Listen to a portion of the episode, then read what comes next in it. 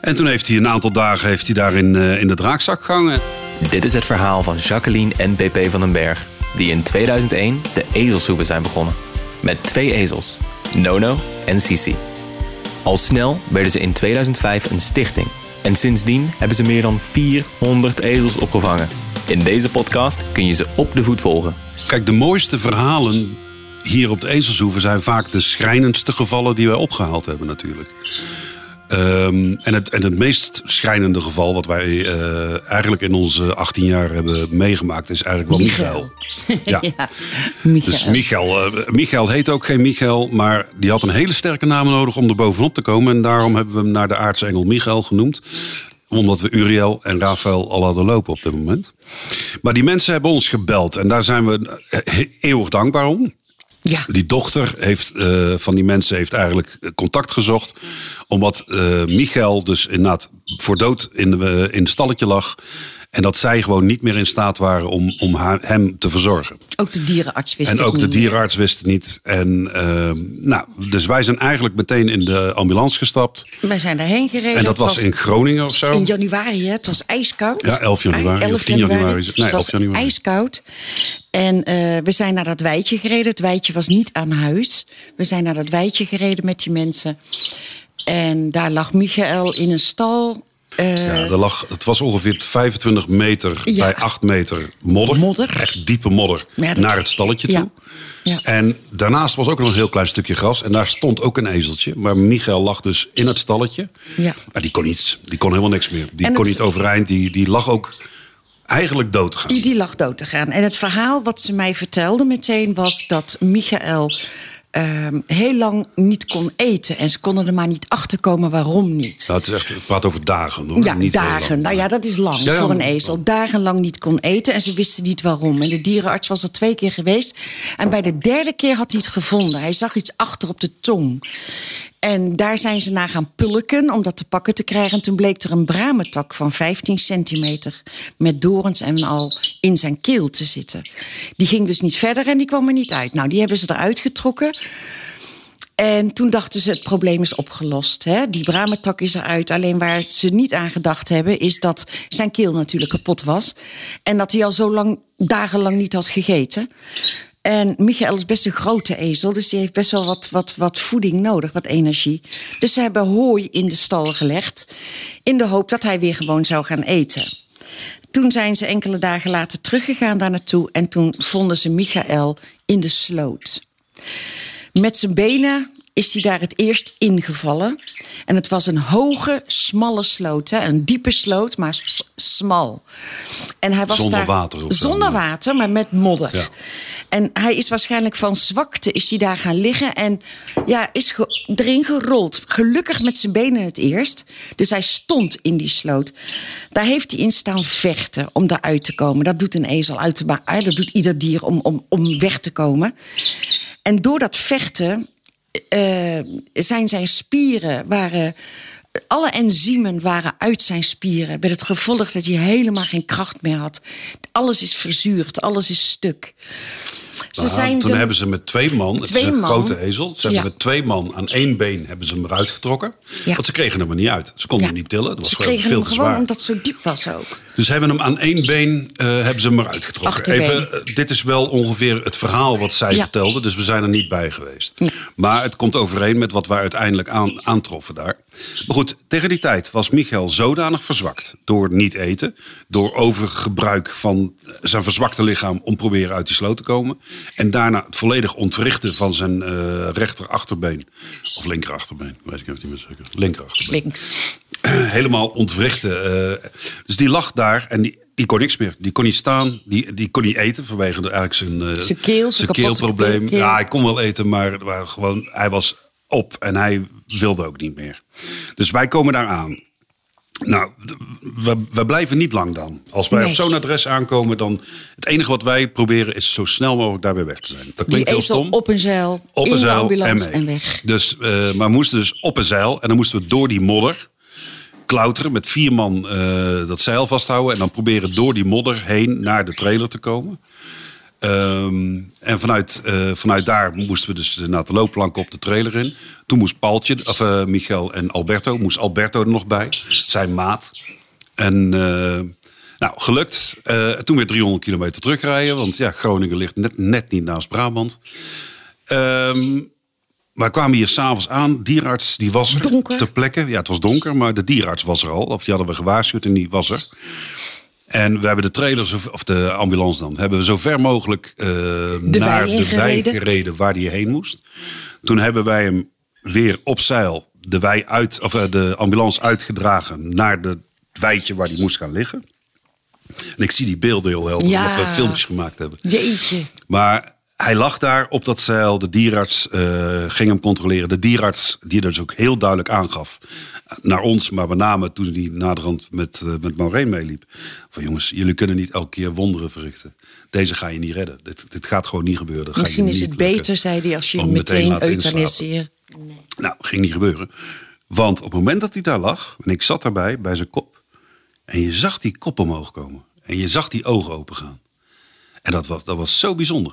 Hij was dood daar in, in dat stalletje. En, en hij heeft daar nog even naast de trailer, naast de ambulance gelegen voordat hij naar binnen ging. En je, iedereen als hij die beelden ziet, denkt van die, die is dood. Die ezel is al dood. Waarom neem je die en, nog we- mee? en hij lag hier en die kop ging omhoog en die ogen gingen open. En ik zag aan alles. Jij wil. Is een jij, jij, jij, jij hebt het gevoel van nou gaat het goed en nou is het oké. En we pakten een bakje voer en die kop vliegt in, die bak voer. En hij begint te eten daar, s'avonds laat hè. Dat was zo gaaf. Oké, nou dan begint het gevecht. En ehm, Want hij lag natuurlijk op de grond en het Ja. was ijskoud. Ja, dus wat een heel dik pak stro in die stal. En een jasje. En een jas aan. En nog een deken eroverheen. En nog een deken eroverheen. Maar ook het draaien van die ezel. Want hij twee uurtjes op één kant. En dan moest hij weer gedraaid worden. En wat deed hij nou altijd? Hij probeerde op te staan. Maar dat Maar kon dat hij kon hij helemaal niet. Maar door met zijn voorpoten dan zo te, te, te heen en weer te graaien sjorde hij zichzelf iedere keer die stal uit. Ja. Dus hadden we ook voor de stal een hele stuk heel dik ingedekt met stro, dat hij daar ook kon liggen. Ja, en dan eh, de andere dag eh, ging hij in de banden. Ja, en toen hadden we nog geen draagzakken. Toen zijn we begonnen met shortbanden. Want je moest iets. We, kijk, we hadden al twee zoiets En van. eh, dekjes eronder, ja. liggen is niet goed. Blijven liggen is niet goed. Hij moet op de een of andere manier moet hij overeind. Dus we hebben gewoon echt gewoon shortbanden opgehangen. En, en daarmee gewoon echt met zo'n ratel. Want dan konden we hem omhoog. Elke keer een stukje ratelen. En gewoon gezocht naar. Oké, op welke hoogte raakt hij net de grond. Zonder dat hij, zonder dat hij staat. Maar hij moet wel de grond raken. En dat, dat, dat, dat is een heel gepuzzel. Dat klinkt zo simpel, maar het is echt een heel gepuzzel. En met name, We hadden vijf man nodig om het te ja, doen. je, hebt twee, ja, je moet hem ondertussen moet je proberen overeind te houden. En het is elke keer een beetje bijgeven, een beetje lossen. Nou, op een gegeven moment hadden we wel de standen dat hij dan zo'n beetje, een beetje erin hing. En als hij wilde, kon hij zijn poot intrekken en dan kon hij schommelen. ja, snap Ja. je? Dat, Ja. dat deed hij dan ook nog wel. Ja. Maar hij wilde. Elke dag dat wij met hem bezig gingen, wilde hij. Hij werd vier Het uur per dag hing hij in de Ja. banden. En direct daarna natuurlijk in die draagzak. En En, ik ben PP met name- heeft ja. iedere dag vier uur lang zijn achterbenen gemasseerd. Want die waren ijs en ijskoud. Ja. Er was geen Oh ja, doorbloeding, geen spierkracht, helemaal niks. PP nam zijn muziekrol mee, de muziek aan daar, zo met zijn telefoontje. En dan zat hij daar vier uur aan een stuk te masseren. En op een gegeven moment, na een paar dagen, hoorde ik jou ineens roepen... Ik voel warmte, ik voel warmte. Toen voelde je zijn benen warm worden. En dat is een teken dat die doorbloeding op gang komt. En dat is een teken van... Oké, van hieruit nu kunnen we verder. Want dan krijg je de hoop dat hij zijn spieren weer... En dat zei de dierenarts ook steeds. Hè. Hij kreeg allemaal supplementen erbij bij zijn voeding. Want die spieren, die waren zo verzuurd. Die waren zo helemaal weg. En die moesten weer opgebouwd worden. Nou, vanaf dat moment zijn we ook begonnen gewoon met, met ja, noem het maar fysiotherapie eigenlijk. Even tussendoor, we hebben ook een fysiotherapeut erbij gehad. We hebben een osteopaat erbij gehad. En dus iedereen, heeft- iedereen Werk mee. werkt mee. En, en we vinden op dat moment ook echt de, altijd mensen die zeggen van... oh, dat, dat wil ik ook eh, aan meehelpen en daar wil ik ook aan bijdragen. Want hij had Dus natuurlijk was ook een de. Ja, dat kwam pas daarna. De doorlichtwonden. Eerst kwam Oh. dus toen dat die fysiotherapie. En dat is gewoon achter, achter op zijn kont, eerst op de rechterkant iets drukken. En dan weer links en dan weer rechts. Zodat hij eigenlijk elke keer net even moest gaan staan op dat voetje. En dat, dat, is eigenlijk hetgene waardoor hij uiteindelijk weer een beetje de spierkracht en het gevoel. Want hij kon helemaal niks met die achterkant. Nou, dat hebben we eigenlijk een, een, een week gedaan, urenlang. En toen kwam het, na, kwam het moment dat, dat wij... we hem naar beneden Ja, hadden, lieten hadden zakken. draakzak? Ja, ja. Die hadden we toen net, hè? Ja. Lieten we hem naar beneden zakken, zakken, zakken. En ineens bleef hij staan in plaats van om te vallen. Ja, dat is euforie dan. Dat Och, is zo man, mooi. Dat is jubelen. Ja. Dat, dat- want dan kom je van zo ver. En ineens, hij bleef staan. En, en, maar eh, het Lopen mooiste elke niet, keer weer... hij stond. eh, die kop van hem. En, en gewoon die, die overtuiging en die blik zo van... eh, we gaan er komen. Dat vertrouwen. Gewoon, we gaan er komen. En ook, dat klinkt toch stom, hij heeft nooit geklaagd. Nee, hij heeft nooit Van alles wat wij deden en alle, hij heeft, er, heeft pijn gedaan. Hij heeft nooit daarover eh, eh, geklaagd of een keer een schop. ge- Nee, gewoon hij heeft wel aangegeven van eh, ah, dit doet wel heel erg pijn. Maar elke keer onderging hij alles, omdat hij gewoon wist dat we met de goede dingen bezig En dan waren. iedere dag ook al die wonden verzorgen. Want hij had natuurlijk iedere keer op kwamen die die door- kanten... toen kwamen die doorlichtwonden. Maar niet alleen onder zijn, onder zijn oksels, Ja. maar ook op de zijkant. Hij had hij Ja. overal doorlichtwonden. Die moesten allemaal verzorgd worden. En dat was mijn angst altijd. Nou, dat was de grootste. Want ik zei altijd tegen de dierenarts, wat er ook gebeurt... die, die, die doorlichtwonden, die moeten dicht zijn voordat het zomer wordt. Dat moet.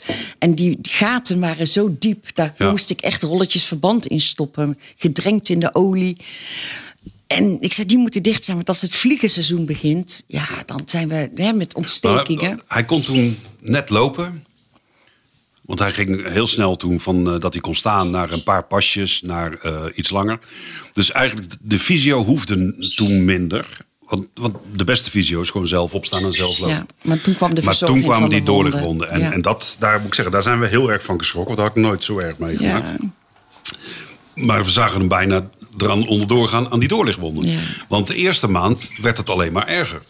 Mm. Ja, dus we zijn met alle goede dingen bezig. Maar die wonden werden alleen maar groter. en, alleen maar, en dieper. Ja, en dieper. En, eh, maar op een gegeven moment ging het van, van, zeg ik het goed, van wit vlees naar wat roze, naar wat Ja. meer doorbloeding. Die do- had hij van die donuts had hij dan Ja, ja, onder zijn oksels on- zitten. Dat zwol helemaal op, allemaal wild vlees.